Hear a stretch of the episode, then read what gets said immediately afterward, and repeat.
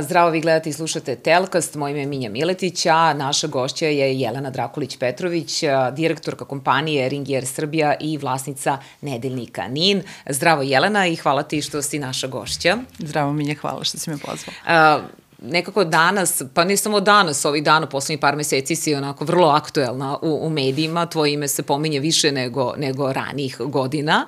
A, I pričat ćemo naravno o tome, ali ja bih htela da započnem ovaj razgovor a, sa tvojom nekako karijerom. I a, ti si završila, diplomirala si na Filološkom fakultetu. Da. A, I otkud ti u medijima? Sasvim slučajno.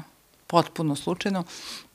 Kada sam završila faks, uh, počela sam da radim, pre svega sam se izdržavala od ono klasike časova i ostalih stvari, jer sam na anglistici ovaj, diplomirala književnost i uh, jednostavno put me naneo, već sam u startu znala da pedagogijom se neću baviti, odmah znaš šta ne želiš, uh mhm. -huh. znaš da kažeš ne, uh. -huh. to je, jeste bitno. Uh, Ove, ali onda krećeš da istražuješ druge stvari i put me nekako naneo ka marketingu, ka trade marketingu, ka nekim brzim stvarima i potpuno slučajno u tom 2004. godine ovaj, e, Ring je velika švajcarska kompanija i odlučila da investira u Srbiji, između ostalog, i e, tada je kupila od tadašnjeg Gruner Jara, velike izdavačke nemačke kuće, Blitz Press deo se zvao. I ja sam otišla na razgovor, ovaj, ne znajući apsolutno nikoga, uh -huh. apsolutno ovaj, transparentan jedan proces. Oni su bili u potrazi za novim, mladim ljudima, licima koje će možda manje više oblikovati prema sebi, koji su tako stasali tek sa faksa, visoko obrazovani, spremni da rade, da, da po 12-16 sati odvajaju svoj život i pre o, što da. mi kažemo, brakova, dece i svega ostalog. I ja sam nekako ovaj, upala uh, ovaj, zaista uh, vrlo zadovoljna i srećna u tu ekipu. I, I bila nas... si četiri godine brand manager?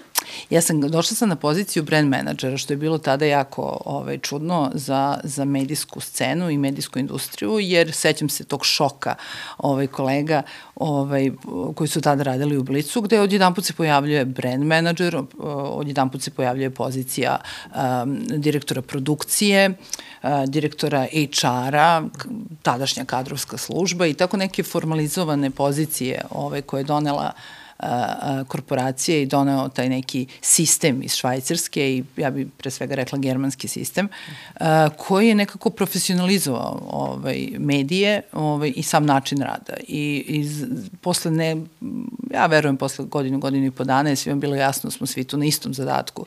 Ovaj, zaista jedan divan period g, u kome smo gradili Blic, u kome je Blic stasavao, u kome je Blic postao taj brand koji jeste i sada. Uh, u kome se dosta ulagalo, ne samo finansijski, ulagalo se i ljudstveno i ulagalo se sistemski i o, negde je rezultiralo ovaj, tome da Blitz prvo postane najtiražniji dnevni list u zemlji i da pretekne tada neprikosnovene večernje novosti. Mm ovaj, i da, da zaista svi zajedno radimo. To je zaista bila jedna mlada ekipa od nekih 10-15 ljudi, a negde najstariji seniori, pre svega Veselin Simonović koji je bio glavni odgovorni urednik, legendarni Blica i nekako sve nas i predvodio i usmeravao, što u njegovom domenu uredničko-političkom, ovaj, ali takođe i u nekom um, domenu jedinstva i zajedničkog rada i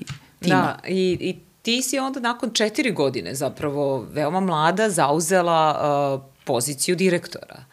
Da. I uh, šta ono si što tada se desilo... pomislila? Dakle, da. jesi tada pomislila, čekaj, meni se ostvario moj san, ili si pomislila tada možda, ok, došla sam na ovo mesto, ali treba ostati na tom mestu?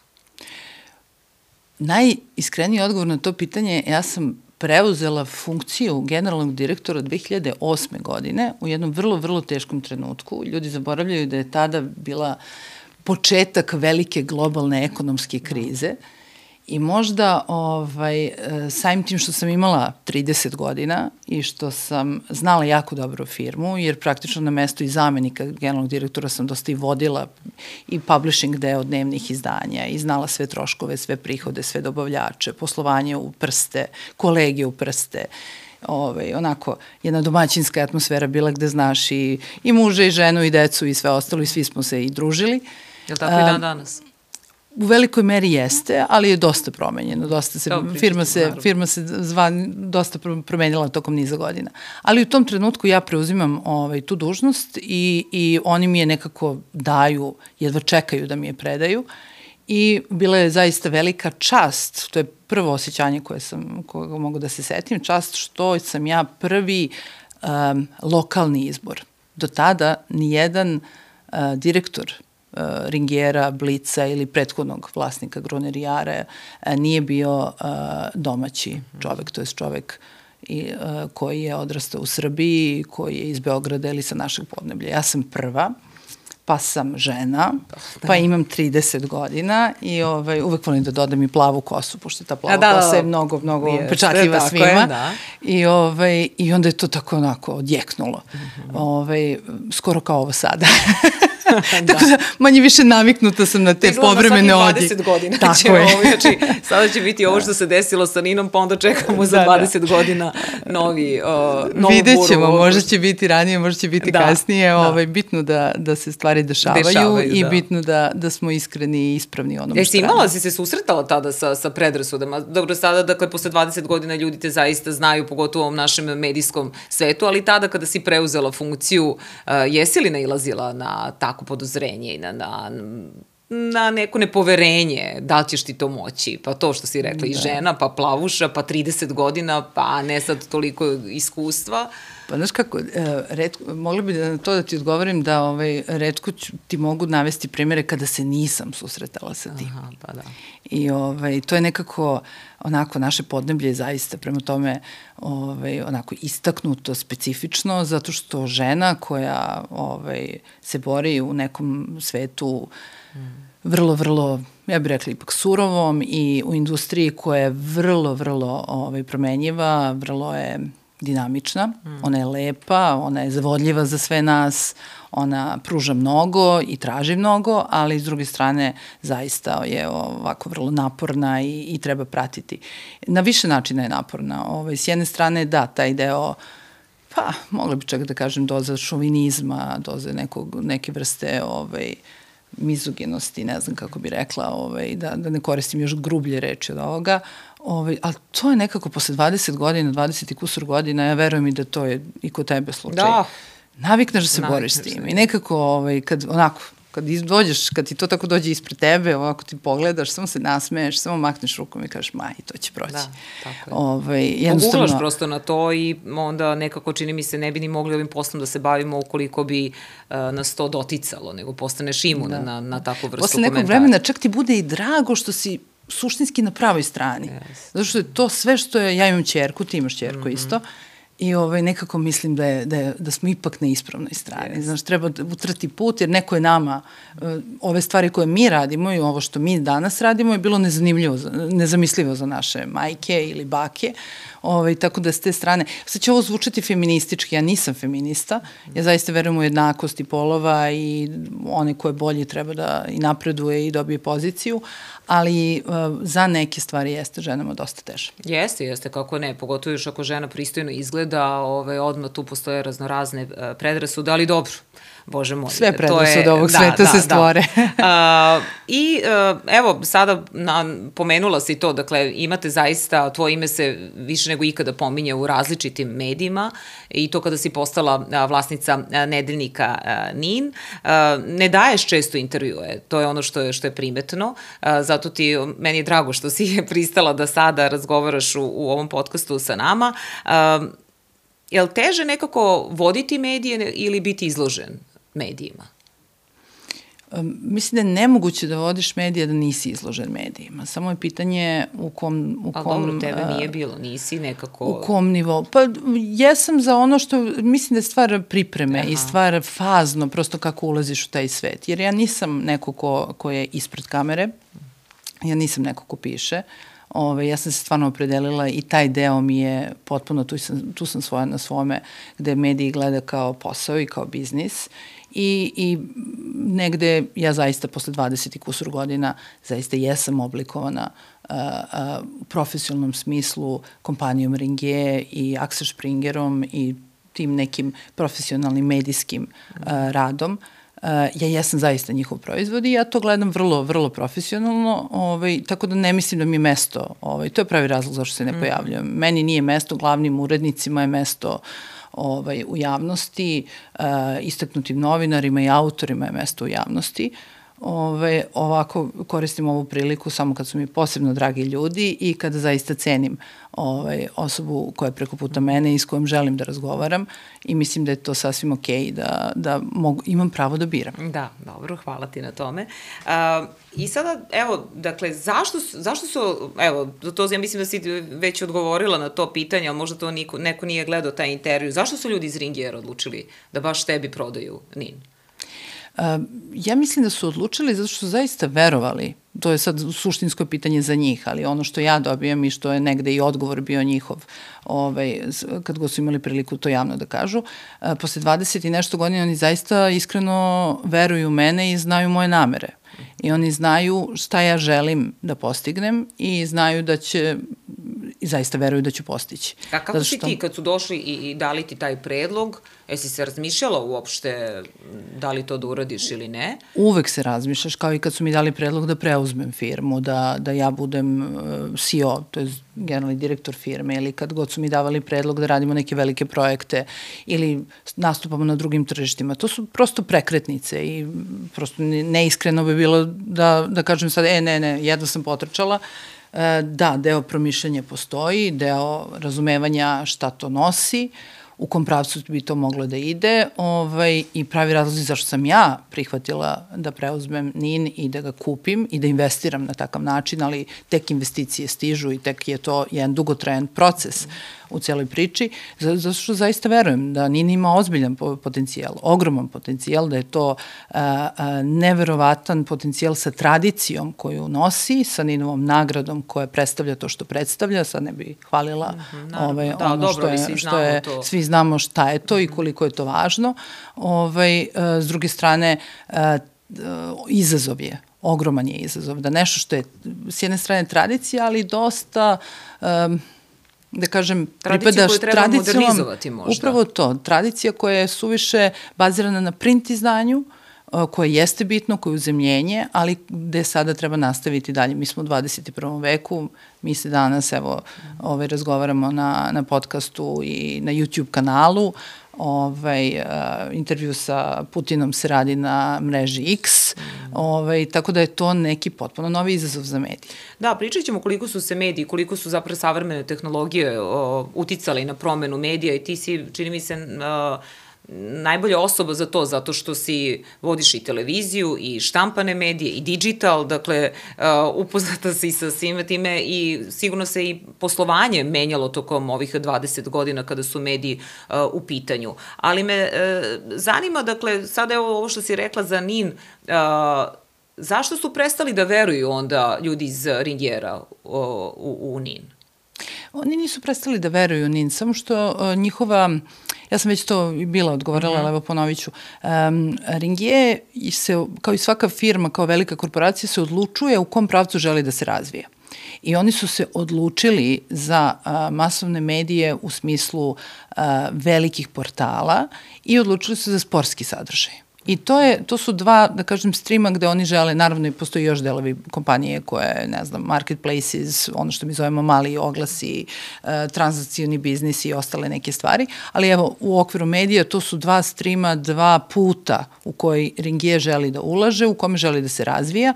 Njihov domen uh, odabir nije da razvijaju uh, društveno-politički nedeljnik uh, i s druge strane i portal ili bilo kakav dalje video sadržaj. Jel to znači da stranci, dakle, mada mislim da i kod nas sve više preuzimamo taj način razmišljanja tržišno, kapitalistički što bi se reklo. Dakle, da li oni gledaju na taj način, dakle, samo tržišno, a ne da možda, ni, možda nije toliko profitabilan, ali jeste uticajan? Ja tu mogu da odgovorim samo u ime kompanije Ringie. Kompanija Ringie gleda tako i uvek je gledala tako da podržava društveno-politički uticaj, e, prepoznaje ga, neguje ga, što je dokaz 14 godina na kraju dana ni taj uticaj ima pod vođstvom kompanije Ringie i moja malenkost koja potpisuje sve vreme tih 14 godina. Um, ali s druge strane oni uh, žele povrat investicije. Oni su, oni vode mediji kao biznis, oni gledaju da to uvek bude profitabilno, ne mora svaki segment i svaki proizvod i svaki medij biti profitabilan, ali u totalu oni žele da imaju jedan stabilan, samoodrživ, profitabilni biznis i negde mantra i uopšte ono, ideologija Ringera, a, a i Axel Springera i svih tih, ja bih rekla, germanskih ovaj, škola učenja i, i medija jeste da samo samodrživi mediji i finansijski nezavistan medij može da bude dobar i ispravan. E, si očekivala ovakvu negativnu kampanju kada si preuzela NIN? Naravno da ne. Ja sam očekivala uh, da, da ljudi budu podozrivi, očekivala sam da ljudi sumnjaju, očekivala sam da ljudi, uh, ono što smo na početku razgovora pričali, imaju taj neki odnos prema tome uh, žena, mlada, mislim, mada hvala na mlada. u ovim godinama mi se dopada to mlada, da. to je okej. Okay. Um, to sam očekivala. Nisam očekivala da, da ovaj, u suštini jedan potez koji je iznuđen i koji je ovaj, potrga za boljim uslovima i, i radom gde ne gledam na prihode i ne gledam na troškove, već radim onako kako želim, a nemam drugu stranu koja očekuje što je u mom sistemu i kao i u rengije sistemu se uvek očekivalo da postoji odgovorno poslovanje. Ovaj, ti ljudi su želeli i otišli ovaj, dalje, otišli su u izdavačku kuću ili medijsku kuću koja njima ovaj, ponudila mnogo više novca, ali ono što nisam očekivala jeste ovaj svakako polit, političko uh, spin, obrt, da je to sve ovaj, neki... Ali šta se desilo? Dakle, kada, kada je izašla ta vest, nekako smo onda videli da tadašnji urednik, dakle Milan Ćulibrk je rekao da se nada da neće biti otpuštanja, da neće biti smanjenja plate, da neće biti mešanje u uređivačku politiku i tako dalje. Uh, šta su među vremenu desilo? Onda smo počeli, pol, polako je počelo da izlaze da im se nisi obratila pet meseci. Uh, ali nekako je moj utisak da, da uh, glavni problemi su zapravo uh, isplivali na površinu ili barem ono što sam ja mogla da, da pročitam u medijima kada je napravljen taj intervju sa predsednikom Srbije. Da je odatle to krenulo sada sve? Vrlo, vrlo specifično. Znači, prvo što mogu da ti kažem jeste da ne da nije bilo otpuštanja, već je bilo zapošljavanje. Ne da nije bilo smanjivanja plata, nego je bilo podizanje plata, od kad sam ja preuzela od 1. septembra. I uh, ovaj, što se tiče uplitanja u uređivačku politiku ili ne de Bože slobodu, to čak ni svi odlazeći ljudi tada nisu mogli da kažu u javnom diskursu da je ikada bilo pritisaka i da sam ja ikada uticala na bilo šta što su oni pisali. Tako da uh, ovaj, mogu onako odgovorno da tvrdim da je to bilo potpuno jedno ovaj, sjajno poslovanje i uh, NIN jeste čak sam dobila ono kolokvilno rečeno komentare živnuo. Imali smo neke uh, malo drugačije intervjue, uh, oni su se nekako i probudili, želeli su da, da ovaj, um, drugačije. Delovalo je kao da je proizvod ide u zaista, zaista dobrom smeru i da mediji ide u dobrom smeru i da, da možemo da ubacimo. Šta se desilo među? Pa ono što se desilo među vremenu jeste, uh, ovaj, ja mislim da je došlo do raskola u toj redakciji. Ovaj, ne mislim, nego znam, jer uh, jeste vezano za intervju ovaj, predsednika Republike um, i u stvari vezan za ceo taj nastup u predizbornoj kampanji u kojoj, ovaj, to je sad, ja sam već to objasnila, ovaj, ali za one koji nisu čuli, o, e, jednostavno ta polarizacija u političkom smislu svih političkih e, igrača, aj tako da kažemo, e, mi možemo da biramo i svaki medij ima pravo da bira koga zove u goste i sa kim priča i sa kim ne priča i to jeste poruka medija, ali kada govorimo o društvenom političkom magazinu tog značaja, i kada govorimo o predzbornoj kampanji, sasvim je logično bilo da imamo što veći broj sagovornika. I u tom kontekstu sam ja razgovarala sa Miću Ćulibrkom i Miću Ćulibrk je tadašnji urednik Nina je to ovaj, prihvatio apsolutno i rekao da je ovaj, bi bilo idealno i zaista sjajno kada bi se posle 7 i godina po, stranke i čelnici tih stranaka koji su na poziciji ovaj, u vlasti odzvali poziv Nina i kada bi došli. I onda se desio taj intervju. A kako se desio? Kako je došlo do tog intervjua? Mi smo pozvali, ja sam, moj odgovor je bio da li smo zvali, oni su rekli da nismo, on, ovaj, ne, neće, neće se odazvati, ja sam rekla ajmo da pozovemo, pozvaću ja sada kao vlasnik, ovaj, pozvaćemo i sve ostale. I to se na kraju i desilo. E, Nin je jedini u predzbojnoj kampanji imao ovaj, intervjue sa svim glavnim, ja bih rekla, ovaj, možda je falio jedan ili dva politička lidera Što je ovaj, zapravo i cilj. Ja mislim da svaki medij, ja sad svoje novinarske strane nekako, da svaki medij treba da ima pa ne znam, evo ti mi reci. I sa, i sa pozicijom i sa opozicijom. Znaš kako, ja nisam novinar. Uh mhm. -huh. I ove, ovaj, ja sam menadžer u medijima i živim ceo život sa novinarima i urednicima i beskreno se divim tom poslu i, i beskreno volim novinare i urednike i smatram da je jako težak posao, ali s druge strane jako lep i kreativan i da je jedna od najtežih stvari jeste kada se takmičeš da dobiješ dobar sadržaj, to, dobrog sagovornika i kako da ti taj dođe, a da ne ode negde drugde ili da dođe prvo kod tebe. Tako je. Ovaj, da imaš tu neku vrstu ekskluzive. Pa, gde mislim, se i... sad to izgubilo? Da. Ja zaista ne znam. Neka... I gde je ta politizacija cele priče, mm -hmm. ovaj, da li za ili protiv sam ovoga ili onoga, uticala na to da je odjedan put došlo do raskola u, u staroj redakciji ovaj, Nina, gde, gde su oni negde zamerili. Ja bih rekla čak i pola redakcije je zamerilo da nije trebao da se uopšte ovaj, takav intervju uh, ovaj, uradi. Zbog čega? Za mene, ne znam, to ja Aha, nisam, nisi, nisam ja ulazila u, u ovaj, ja se zaista u uređivački deo ne mešam, niti sam ja znala kakav će intervju izgledati. E, to sam sad da te pitam, da li si uopšte razgovarala sa, sa ne, ne, Mićom Ćulibrkom vezano za intervju, kako će izgledati, ne? A, kako da ti kažem, ja bi zaista volela i želela svakoj redakciji na svetu da ima slobodu koju ima redakcija Nina. I prethodna i sadašnja. Apsolutna sloboda da rade kako god misle da je zaista potrebno, da je u cilju opšteg dobra, društva, novinarske profesije i na kraju krajeva u sobstvenom nekom ophođenju prema sebi i svojoj savesti i svojoj etici. Znaš šta, ja sam gledala taj intervju uh, I meni je bio dobro, mislim, dobar mi je bio intervju.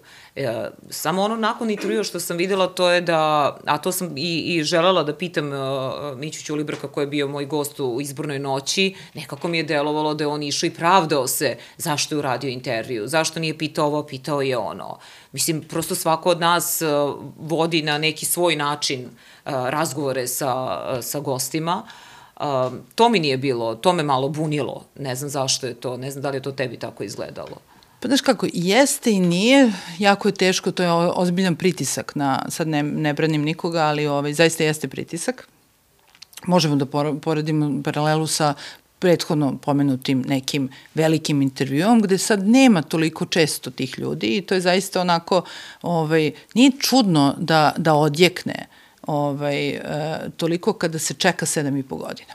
Mm -hmm. Sedam i po godina je jako dugak period da, da neka redakcija, opoziciona, poziciona, kako god, na nekoj drugoj strani, čeka sagovornika i onda se ovakve stvari dešavaju. Ja lično posmatram to više kao građanin, ne sam samo kao, kao profesionalni menadžer u medijima, nego kao građanin Srbije, glasač, uh, ja bih voljela više dijaloga. Mm -hmm. Mislim da je dijalog uh, neophodan, uh, da se sve ovo sada dešava, neka napetost u atmosferi koju svi osjećamo. Ovaj... Ali svi ovaj, pričaju o tom dijalogu. Dakle, i meni i političari kad dođu kažu isto da je neophodan dijalog. Ti vidiš na, na društvenim mrežama da političari pozivaju na dijalog. A onda kad hoćeš da napraviš emisiju gde će biti zapravo taj dijalog, Verujem jako je to, teško. Da, jako je teško. Da, to ti znaš, evo sad znam i ja. da. E, da, pa dobro, tu sad koliko je ko iskren, znaš, mm. dijalog sa kim i dijalog e, na koju temu. Da. Ove, onda bi mnogi želeli da biraju očigledno teme i, I teme, sagovornike. I sagovornike, tako je. Mislim. I da budu urednici. E, da. Ove, dobro, to je, ali to je težina i lepota posla. Jeste. Na kraju dana za to svi treba da se borimo. Ja bi zaista volela, ne volela, nego ću zaista raditi na tome, menadžerski, vlasnički, a s druge strane verujem Timofejev i nova redakcija Stići Nina. Timofejev, će raditi, zanima... ne, mm -hmm. pričam samo, hoću da, da kažem za, za dijalog. E, e, Nin ima pretenziju da zaista bude medij dijaloga, e, suprostavljenih mišljenja i platforme na kojoj zaista može da se, da se kako da kažem, da nećemo čekati sedam i po godina, ni na šta i ni na koga. I da li će nam to poći za rukom, ostaje da vidimo, ovaj, mi ćemo dati sve od sebe. Kakve su reakcije bile nakon tog intervjua? I od strane uh, kabineta predsednika, ali i redakcijske, uh, kako bih rekla. Dakle, šta se desilo nakon toga? Oni su očigledno bili nezadovoljni, su tada oni nakon toga došli tebi i rekli mi svi dajemo ostavke i idemo u United Media? Ne, ne, ne, ne, ne, daleko od toga. Ne, ništa od toga se nije desilo. Mislim da je, da je unutar redakcije bilo neslaganje, kome ja nisam prisustvovala. Mm Ove, apsolutno mislim da su bili, mislim da tu sad interpretacije su razne, deo je bio protiv uopšte ovaj, održavanja tog intervjua i uopšte ovaj, davanja šanse predsedniku da posle 7 i po godina u predizbornoj kampanji kada njemu odgovara, to je bio neki ovaj, um, neko obrazloženje, da dođe u Nini i nešto kaže, a s druge strane ovaj, uh, bilo je tu dosta nezadovoljstva samim intervjuom. Znači, u okviru redakcije mislim da su dosta ljudi ovaj, bili nezadovoljni uh, oštrinom intervjua, da li su očekivali da to bude neprijatno i na neki način da li su očekivali neku senzaciju ovaj, i neki, neki ono hard talk, ustajanje od stolice i ostalih stvari.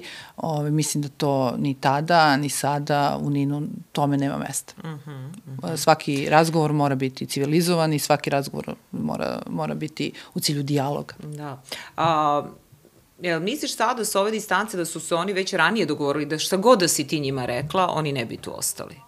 Da, ja mislim da su se dogovorili da pređu u United Media mnogo ranije ovaj, i da je to prosto bio plan, uh, da je to bila želja, da, da, jer oni, mi se jako dobro poznajemo, kao što rekao, ja 14 godina potpisujem taj NIN, uh, ovaj, i, i u impresumu jeste moje ime i ako je bilo ikada bilo kakvih neprijatnosti ili pritisaka, to niko drugi nije osetio osim mene. Uh -huh. e, što se toga tiče, ovaj, mislim da su onda, s obzirom da se poznajem, oni su znali da ću ja raditi svakako i na prihodima i na troškovima i da ću prosto imati određene zahteve koji su po meni sasvim normalni, kao i u svakom poslu. Da, da. Ovaj, gde ne vidim nikakvu nenormalnost, ali gde ne bi za, zaista bilo onako, ovaj, ono što se kaže, mirno more. Sad, A šta je, znači to? Dakle, šta su bili, jesi, jesi imala zahteve? Koji su bili zahtevi? E, pa onaj deo, recimo ono u javnom diskursu koji su oni tražili i pominjali kao promenu koncepcije promena koncepcije koja je trebala da se, ovaj, nije suštinski bila promena koncepcija, nego uh, o, modernizovanje Nina samim tim što imamo novi sajt, samim tim što imamo podcast, samim tim što imamo video formu, nastup na mrežama i e, sadržaj koji jesam da svakako smatrala da ojačana ekonomska rubrika treba da se bavi i nju biznisom i IT-em i kulturom više. E, Ninova nagrada, e, sad možda ćete primetiti, možda jeste, možda niste, nikada nije imala kampanju kao ove godine. Iako je bila jubilarna 70-a, ove, recimo za 60. nismo to uradili. Znači ova, ova Ninova nagrada je imala zaista veliku kampanju i veliku prisutnost u digitalnim medijima pre svega i ove, određene, određene inovacije koje zaista tek ćemo razvijati i tek do godine i narednih godina će biti prisutne od audio knjiga koje su hit u svetu i, i ostalih stvari. Ove... Da, mi sad razgovaramo i snimamo ovaj podcast e, i tek će nas sačekati zapravo novi broj. Kad kažem novi broj Nina, mislim da. na, na novu uh, uredničku poziciju, dakle na, na Jest. čelu je Aleksandar Timofejev. Uh, zašto si se odlučila za njega? Aleksandar Timofejev je neko ko je čovek velikog integriteta. Aleksandar Timofejev je uh, nakon pozicije u studiju B odlučio sam da ode, da ne prihvati neke stvari koje su mu nuđene i nije, poput starog Nina i velikana, imao baš jasan ugovor gde ide i niti je dogovorio sa nekom tada United Medium ili bilo kim. Uh, to je, to je prvi, prva stvar koju mogu da izdvojim za Timofejeva kao nešto što je zaista od integriteta i od, od uh, jednog profesionalnog ponašanja, pre svega prema profesiji. Nakon toga, sve što je radio uh, nije ni na jedan način ukaljalo njegovo ime i sve ono što je on predstavljao i radio prethodnih godina i prethodnih decenija. Ja se njega sećam kao ovaj, neko ko je počeo u medijima i sećam se njegove profesionalnosti i na B92 i na, na kasnije na studiju B, bez obzira što jeste to bila kao generalni direktor studija B gradske televizije, ovaj, ti jesi, što bi on sam rekao, dovela me politika, ovaj, ali s druge strane on je radio maestralno svoj posao i tadašnji studio B je bila jedna od najozbiljnijih gradskih televizija koju ja verujem i pamtimo. Mm. Da, i evo više puta si ovde pomenula, nekako živimo zaista u tom polarizovanom društvu u svakom smislu. Čini mi se da sada i publika nekako a, gledat će one medije a, u zavisnosti od toga koga, koga podržava. Dakle, ako podržavam vlast, gledat ću te medije. Ako podržavam opoziciju, onda ću gledati da, druge medije. Kako ostati nekako profesionalan, svoj? A, imati to, zadržati, imati jednu i drugu stranu. A, Znaš kako, e, ja, ja u stvari e, svako meri prema nekom svom okruženju mm -hmm. i ne možemo raditi velike uzorke istraživanja, nije to naš posao, ali je zaista pitanje ovaj, ko nas okružuje i, i šta su naša neka, neka afiniteti i šta mi želimo da konzumiramo od medija i celo priču. I ljudi kada konzumiraju medije, oni konzumiraju svoju istinu, istinu, oni konzumiraju ono što zaista, mi se vezujemo za ono sa čim se identifikujemo. Stavovima, vrednostima, informacijama, ličnostima i svemu ostalom. Meni se čini ovaj, da postoji jedan ogroman deo publike i deo naših sugrađana koji nisu ni na jednoj ni na drugoj strani. Koji vide um, banalnosti jedne strane i neispravnost druge strane ili jednostavno vide, vide neke stvari gde zaista ne mogu da se, da se pronađu.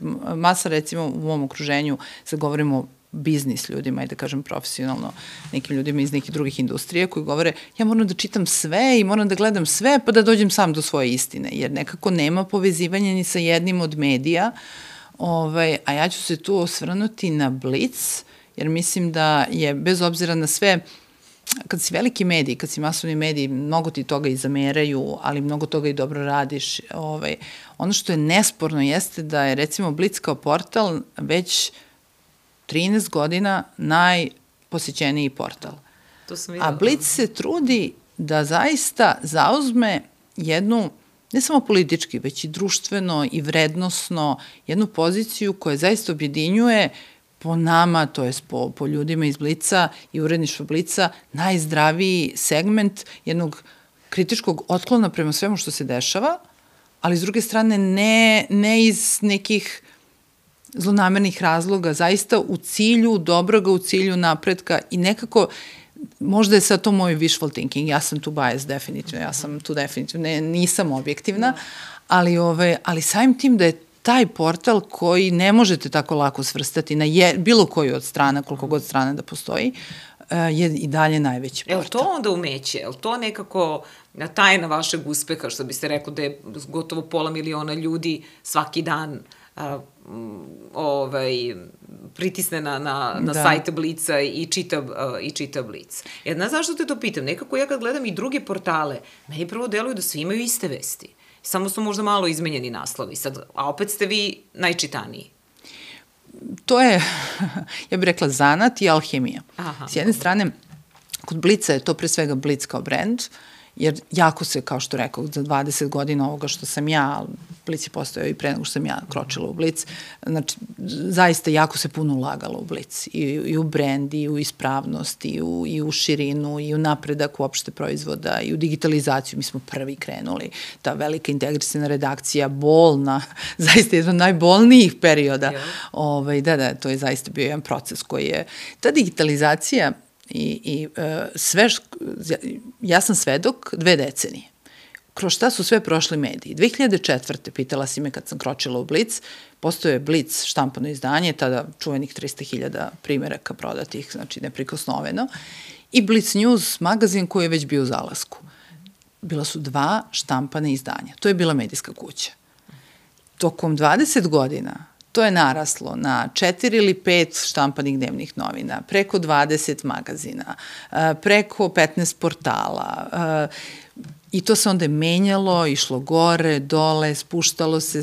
Jednostavno, e, način na koji smo poslovali tada, ajde da kažemo prihodi, prihodi su tada bili, sećam se, 2005. godine, rast prihoda, mi ne možemo da odštampamo koliko nam treba strana blic štampanog izdanja, koliko može da stane tada oglasa u jedno izdanje.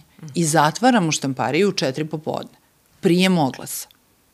Što bi, recimo sada, svako od nas u našoj industriji bi poželeo da može da, da ima tu situaciju. Ja se toga sećam, to je bila 2005. 6. 7. Um. Ekonomski rast je bio zaista veliki, print je rastao i to su bile zaista. I onda dolazi do prevrata, velike globalne ekonomske krize, kada ja paralelno sa tim preuzimam firmu i borim se uh -huh. na ljudskim naporima, ok, izborila sam se, dobro je, ali, ovaj, ali je sve to bilo dosta bolno i onda dolazi um, rast digitala, i ugrožavanje tog tradicionalnog, mi zovemo na engleskom legacy načina poslovanja ovaj, štampanih medija, dolaskom digitalnih proizvoda, dolaskom portala. Mi prvi krećemo u to. Um, Koliko je bilo jeste, teško raditi tu transformaciju? To je možda bilo najteži, uh -huh. najteži deo za ovih 20 i kusur godina, što se mene tiče. Mislim da je to bio najteži zadatak i možda najbolniji, zato što se susreo sa nekoliko ozbiljnih prepreka. Prva prepreka jeste bio sam način rada redakcija. Mi smo u stvari to zvali integrisane redakcije zato što smo spajali sve te sada posle jednog bujanja redakcija i proizvoda i štampanih izdanja i portala i sećate se 24 sata besplatno, besplatno izdanje, to je da. jedan od mojih ono, projekata, to sam sve ja gurala i sad ti tako napraviš ovaj, veliki portfolio proizvoda, e onda sad treba to sve da spojiš, ljudi su navikli drugačije da rade, ljudi su navikli na određenu vrstu komfora, ti sad taj komfor, kako god ga formulisao, ti ga u suštini skraćuješ, menjaš način rada i uh, recimo kod, kod uh, novinara je najveći svakako problem bio to što iz štampanog prelazimo u digitalnu formu, moraš da učiš, moraš da se menjaš. Ta, taj, ta promena je najgora, a opet i najbolja stvar na svetu. Uh, zavisi kako je. Jesi nailazila na otpor kod ljudi, kod novinara, u smislu kako će, da li će uspeti, da li... Jer nekako čini mi se i to, da, da sve što je novo kod nas se teško prihvata. Pa ne, ne mislim da je to stvar samo medijske industrije. Ne mislim, mislim da je ja, to... ne. Mislim da, da sada, ne mislim znam, da ako to... se napravi nešto, mi ćemo reći, ja, da. bolje je bilo ono staro. Da. Nekako nam treba vremena da, pa, da se... Dobro, svaka promena je teška. Mm -hmm. Svako, niko od nas posle nekih... Kad smo mlađi, skloni smo promenama. Možda zato što smo gluplji, pa ne znamo za bolje. Mm -hmm. Ove, ali, ali što smo stariji, onda smo oprezniji, obazriviji i onda nismo baš tako spremni, malo nemamo ni energije i redki su ljudi koji zaista žele promene i koji smatraju kada vide da je neophodnost promene, onda hrle ka njoj, jer bolje da je, da je savladam ja nego da ona savlada mene. To je sa filozofija svakog od nas pojedinačno i svako od nas se tu pronalazi ili se ne pronalazi. Da, otpore je bilo zaista mnogo. Um, kod raznih ljudi, neki ljudi su odlazili, neki ljudi su možda zato i, i klima cel, u celoj priči i, i u, u starom blicu, ajde tako da kažem, se menjala, zato što mnogi ljudi su um, načelno prihvatali nove funkcije, ali baš nisu bili spremni da, da iznesu ovaj, i posao i promenu i zaista jedan, jedan turbulentan period sad kad vratim film i ovako, ne pričam često o ovome, pa si me sad podsjetila koliko je to promena tehnologije, promena načina rada, promena i kvaliteta novinarskog rada, zato što u brzini nesumnjivo kvalitet trpi i onda moraš da nađeš tu alhemiju, taj, taj magični balans. Da gde da ne odeš predaleko i da, da i mnogi nisu našli ili smo promašili pa se vraćamo i, i ovaj, to je deo, deo posla. I na sve to naravno financije, ove, očekivanja da je to više posla, pa za više posla treba da se, da se zaradi više, a u stvari je to kao zamena kanala starog koji je štampani medij u kanal novi koji je digitalni portal. E sada, da, evo i kada si to pomenula nekako štampani mediji izumiru, ali mnogo manje se prodaju nego što je to bio raniji slučaj i danas smo svi na telefonima i na taj način i pratimo uh, medije. Uh, Kakav je tvoj utisak s obzirom da, da vodiš i televiziju i štampu i digital? Uh, hoće li se to, uh, hoće li televizija, dakle, da li se više ona neće gledati na način na koji se gleda do sada? Jer meni je, moj utisak je, na primjer, i kada su u pitanju emisije na televiziji, da ljudi više prate uh, na YouTube-u i da će sada sve više ljudi da se okreću to kontentu, da je to mnogo važnije nego da sada sede i da čekaju neku emisiju kao što smo to ranih godina radili.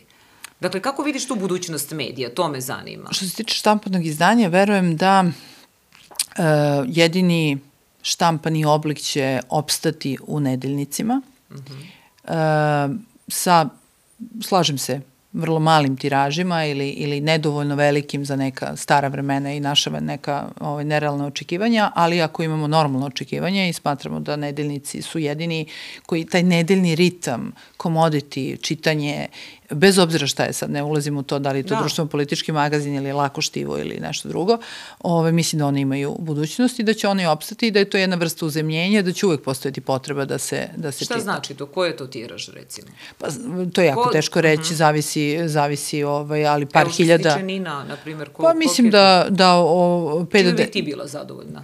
5 do 10 hiljada tiraža je zaista vrlo, vrlo ovaj, za, za size, za, za veličinu ovog tržišta i, i uopšte ovaj, potencijalnim kupcima. Ali opet s druge strane tiraž se ne meri samo tim, postoje i digitalna pretplata i postoje sjajni primjeri, primjeri digitalne pretplate i na našem tržištu, ovaj, koji, koji pokazuju onako fin razvoj i lep, lepe, ovaj, lepe rezultate, mada su tek u povoju, ali takođe postoji i na, i na ostalim tržištima. Mislim da je odgovor na pitanje ne samo u to predlazak štampano pa tiraži i takođe i što se tiče TV-a, kontent uh, je kralj. Znači, onaj ko bude imao sadržaj koji će zaista biti relevantan, istinit, uh, objektivan, E, koji će korespondirati sa onim što većina publike ili tačno zna s kojom publikom želi da komunicira, pa e, e, sa, sa vrednostnom strukturom te publike i, i sa željama te publike, ove, naći, će, naći će svog kupca i naći će svoju publiku. Što se tiče TV-a, da li će to biti na TV-u, da li ću ja konzumirati, moje deca ne gledaju TV, o, i ni, niko od da. naše dece ovaj, to ne radi. Ovaj, ja ne kažem da je budućnost u TikToku, u stvari bila bi jako tužna ako bi ovaj, TikTok bio jedini izvor informacija, informisanja ovaj, e, naše budućnosti, ali, o, ali treba da se ugledamo na tu vrstu um, um, distribuiranja dobrog sadržaja. Jer ako gledamo kao mediji, mediji su praktično sadržaj i ne trebamo robovati samo brendu i samo se držati jednog kanala, već treba da proširimo a, e, naš sadržaj, naš medij na sve moguće kanale, naravno gde to, gde to da, je, pripada. da ti uh, imaš neke targete koje moraš, moraš da, da, da, da ispuniš. Sada, kako si zadovoljna, evo, Blitz TV-om? Ja sam jako zadovoljna Blitz TV-om. Blitz TV uh, ima svoje, svoje uh, um, da kažem, prepreke. On se nalazi na 50% publike u, na tržištu u kome poslujemo i to jeste ozbiljna pre, pre, prepreka. Ovaj, to je opet ta polarizacija dva kablovska operatera i nemogućnost da budeš i na jednom i na drugom ili nemogućnost da uopšte pokriješ. Mislim, iz naše perspektive kao, kao Ringije, kao Blitz TV-a i, i nekoga ko proizvodi dobar i trudimo se da proizvedemo što bolji sadržaj, mi želimo da dođemo do što veće publike. Uh -huh. E sad, u okviru one koje, koje imamo, o, mislim da, da je naš koncept ima prostora zato što se zaista trudimo da proizvedemo kvalitetno i da ne jurimo ka nekom tabloidnom ili drugačijem sadržaju koji bi možda bili profitabilni ili jeftiniji za proizvodnju, a lakši za servirati. O, ovde ipak idemo malo ovaj, težim putem, ali mi imamo strpljenje. A kako to objašnjavaš? Na primjer, evo, uh, kada je reč o, o Blicu, mislim na, na portal, vi ste najčitaniji, ali niste tabloid. Uh, Trudimo se da ne budemo, da, da zaista. Uh, kada, gleda, kada je u pitanju televizija, nekako uh, ovde kod nas su najgledaniji to reality programi, taj potražnje za senzacionalizmom i takvim stvarima. Uh, Uh, nekako to je drugačija kako, publika. I mi, smo, ovaj, I mi smo imali reality program koji smo drugačije radili. Uh mhm. -huh. Stvari, zaista je stvar kako se odluči šta je tvoj koncept. Uh mhm. -huh. O, zato kažem opet jeste povezano sa finansijskim aspektima zato što ako proizvedeš, ako staviš u jednu sobu 20 relativno nepoznatih, zanimljivih ili onako ovaj, šarolikih ljudi i to te ništa ne košta, košta te kamera i ne znam, struje voda, šta te košta. I sad to se kao gleda, ti nemaš nikakav scenariju, ne radiš ništa i to onda ode u nepovrat, u tabloidizaciju, vulgarnost i sve ono što možemo da vidimo, što je mislim da je velika šteta za, i, i ozbiljno zagađuje naš medijski prostor. I tu sam srećna što moja deca ne gledaju televiziju, ovaj, to je onda, onda jedan par rukava. Ako radiš reality kao što smo ga mi radili, mi smo radili jedan produkcijski zaista zahtevan reality, uh, koji je bio scripted reality, što se zove, znači praktično scenario napisan i uh, zaista sa ljudima koji su pre, zaista poznati, sad ne, ne želim da, da, da iskoristim da, da, ovo da reklamiram, znamo svi o kome da. se radi. Tako da ovaj, postoje dva načina kako, kako radiš neki posao. Mi zaista smatramo i uh, tajna uspeha Blica je uvek bio zato što, da, masovnost je neophodna, ali ne po cenu treša i ne po cenu vulgarnosti, onoliko koliko zaista to možeš da izbegneš. Ne kažem da smo besprekorni i da nekad nismo pogrešili, um, objektivno svi mediji greše, ali namera nije postojala tu. I to je tajna uspeha i Blica i nekih sličnih medija, zato što je to je ono što je potentno, to je ono što, što se naplaćuje, to je ono što oglašivači vole i, ovaj, i ono što klijenti zovu safe. Aha. Znači ja se neću naći pored nečega što je vulgarno, što je neprihvatljivo, što je hronika, strašno. Da, uh, da, i savremene tehnologije su nam donele i društvene mreže i ja mislim da društvene mreže su zapravo jedna nova vrsta medija. Yes. Da, i to moramo da, da prihvatimo i, i uvek to volim i da pitam i, i moje goste to u eri društvenih mreža može li neka informacija uopšte da se sakrije. Uh, znate kad kažu ono, evo sada kao, ne, ne, ja mislim da je nemoguće sakriti bilo šta danas u eri društvenih mreža i pomenula si na početku ovoga razgovora uh, Carlsona koji je radio intervju sa Putinom, gde njemu, on je radio 20 godina na Foxu i evo sada je imao svoj YouTube kanal, podcast i ceo svet priča o njemu. Uh, I prosto mi je neverovatno kada vidim komentare uh, gde se polemiše da li je on novinar ili nije novinar i to od strane ljudi koji nikada nisu radili uh, intervju sa ne tako velikim državnicima, što god mi mislili, ali ni sa ovim našim. Uh, I uh, to nam pokazuje u stvari možda da ti mož, i ne treba televizija, nego dovoljno je da, da imaš svoj podcast i da budeš, ono, ako znaš da radiš svoj, taj svoj posao, Pa dobro, da, pazi, da objektivno ne bi on mogao da stigne do Putina da, da nije radio, da nije radio na Foxu. Da, da, Znaš, malo ima, ima i toga, sad nije da, da branim bilo koga ili napadam, ali taj uh, kredibilitet zaista dolazi iz medija. Mm -hmm. I od nečega što smo radili ili radit ćemo gde si ti sve radila, šta sam yes. ja sve radila, ipak je to nešto iza nas. Ove, ovaj, e sad, uh, ja imam samo jedan problem sa društvenim medijima. Nije problem, da, sloboda informacije apsolutno Ne možeš sakrati ništa i sve možeš da objaviš, kako god.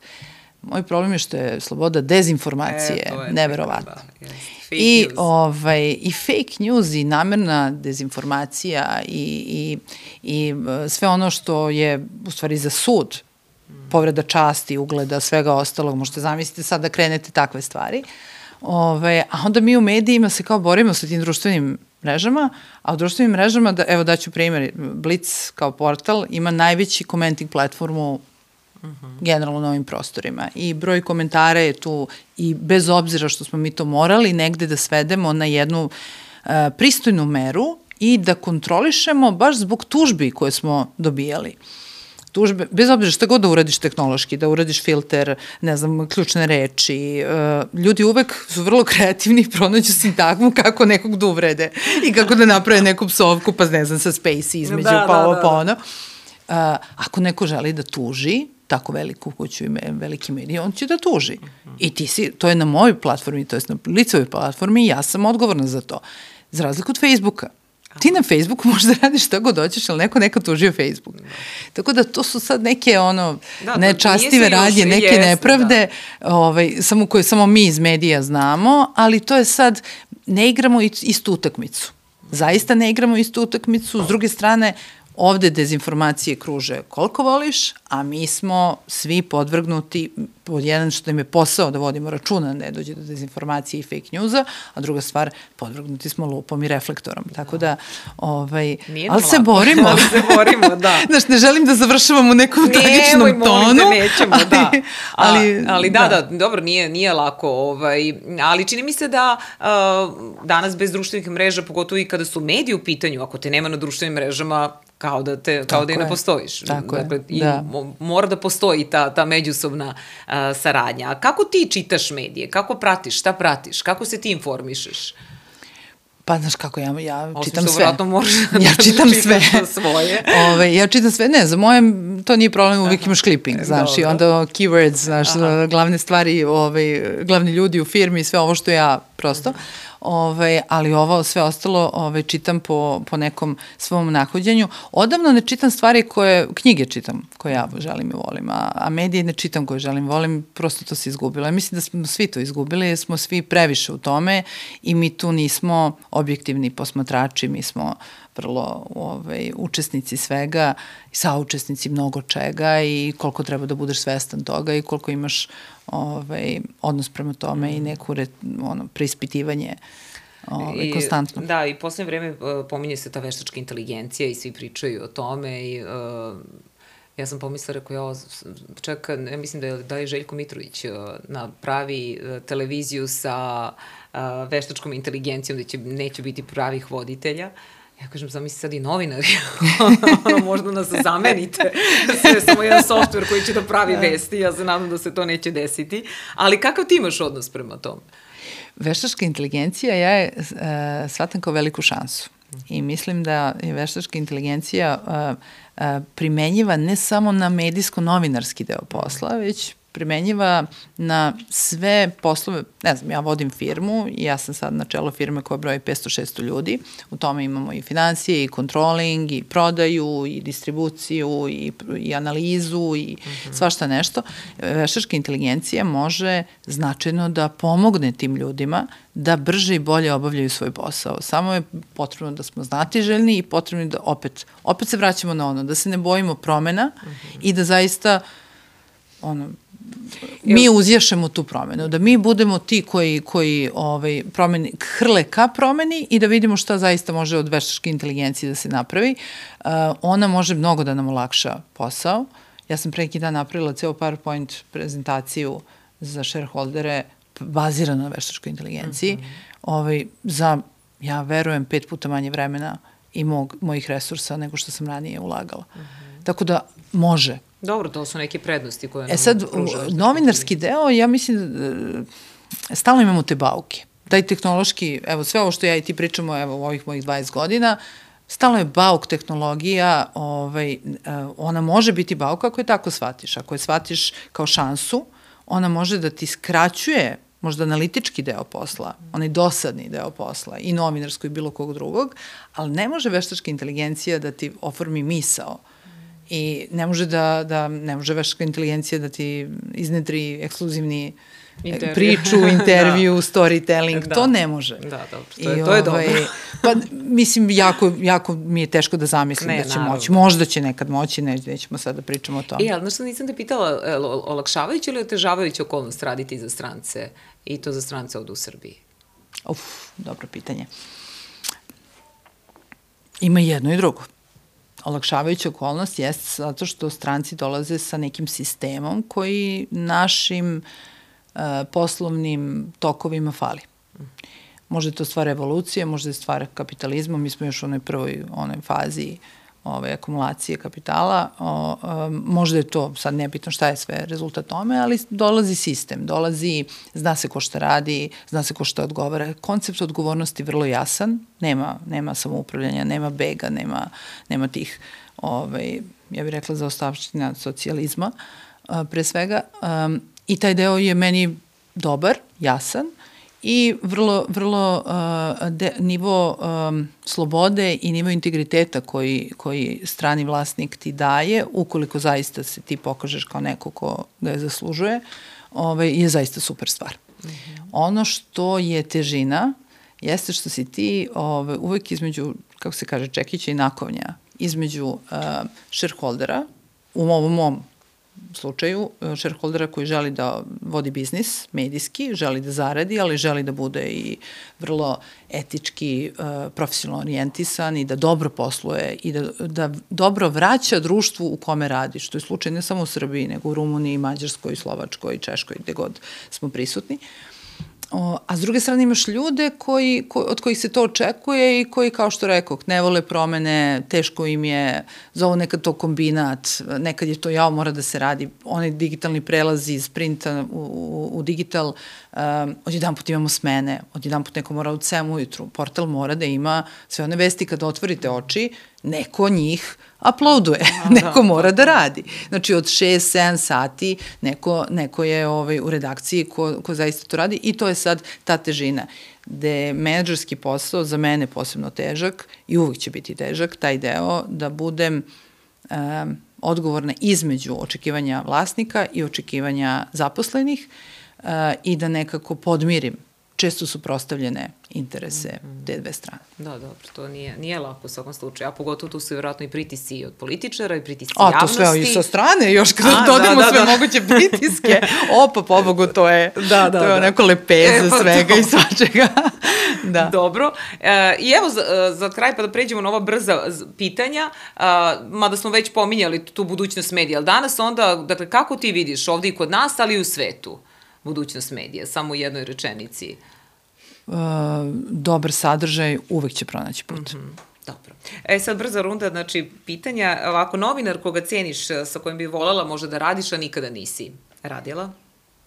Mm, na našim područjima Ljubica Gojkić. Dobro. Uh, klikćeš na push notifikacije, su ti on ili off? On, sve on. mi je on. Dobro. I molim vas, držite on. Dobro. Gledaš uh, li televiziju na premotavanje ili, ili linearno?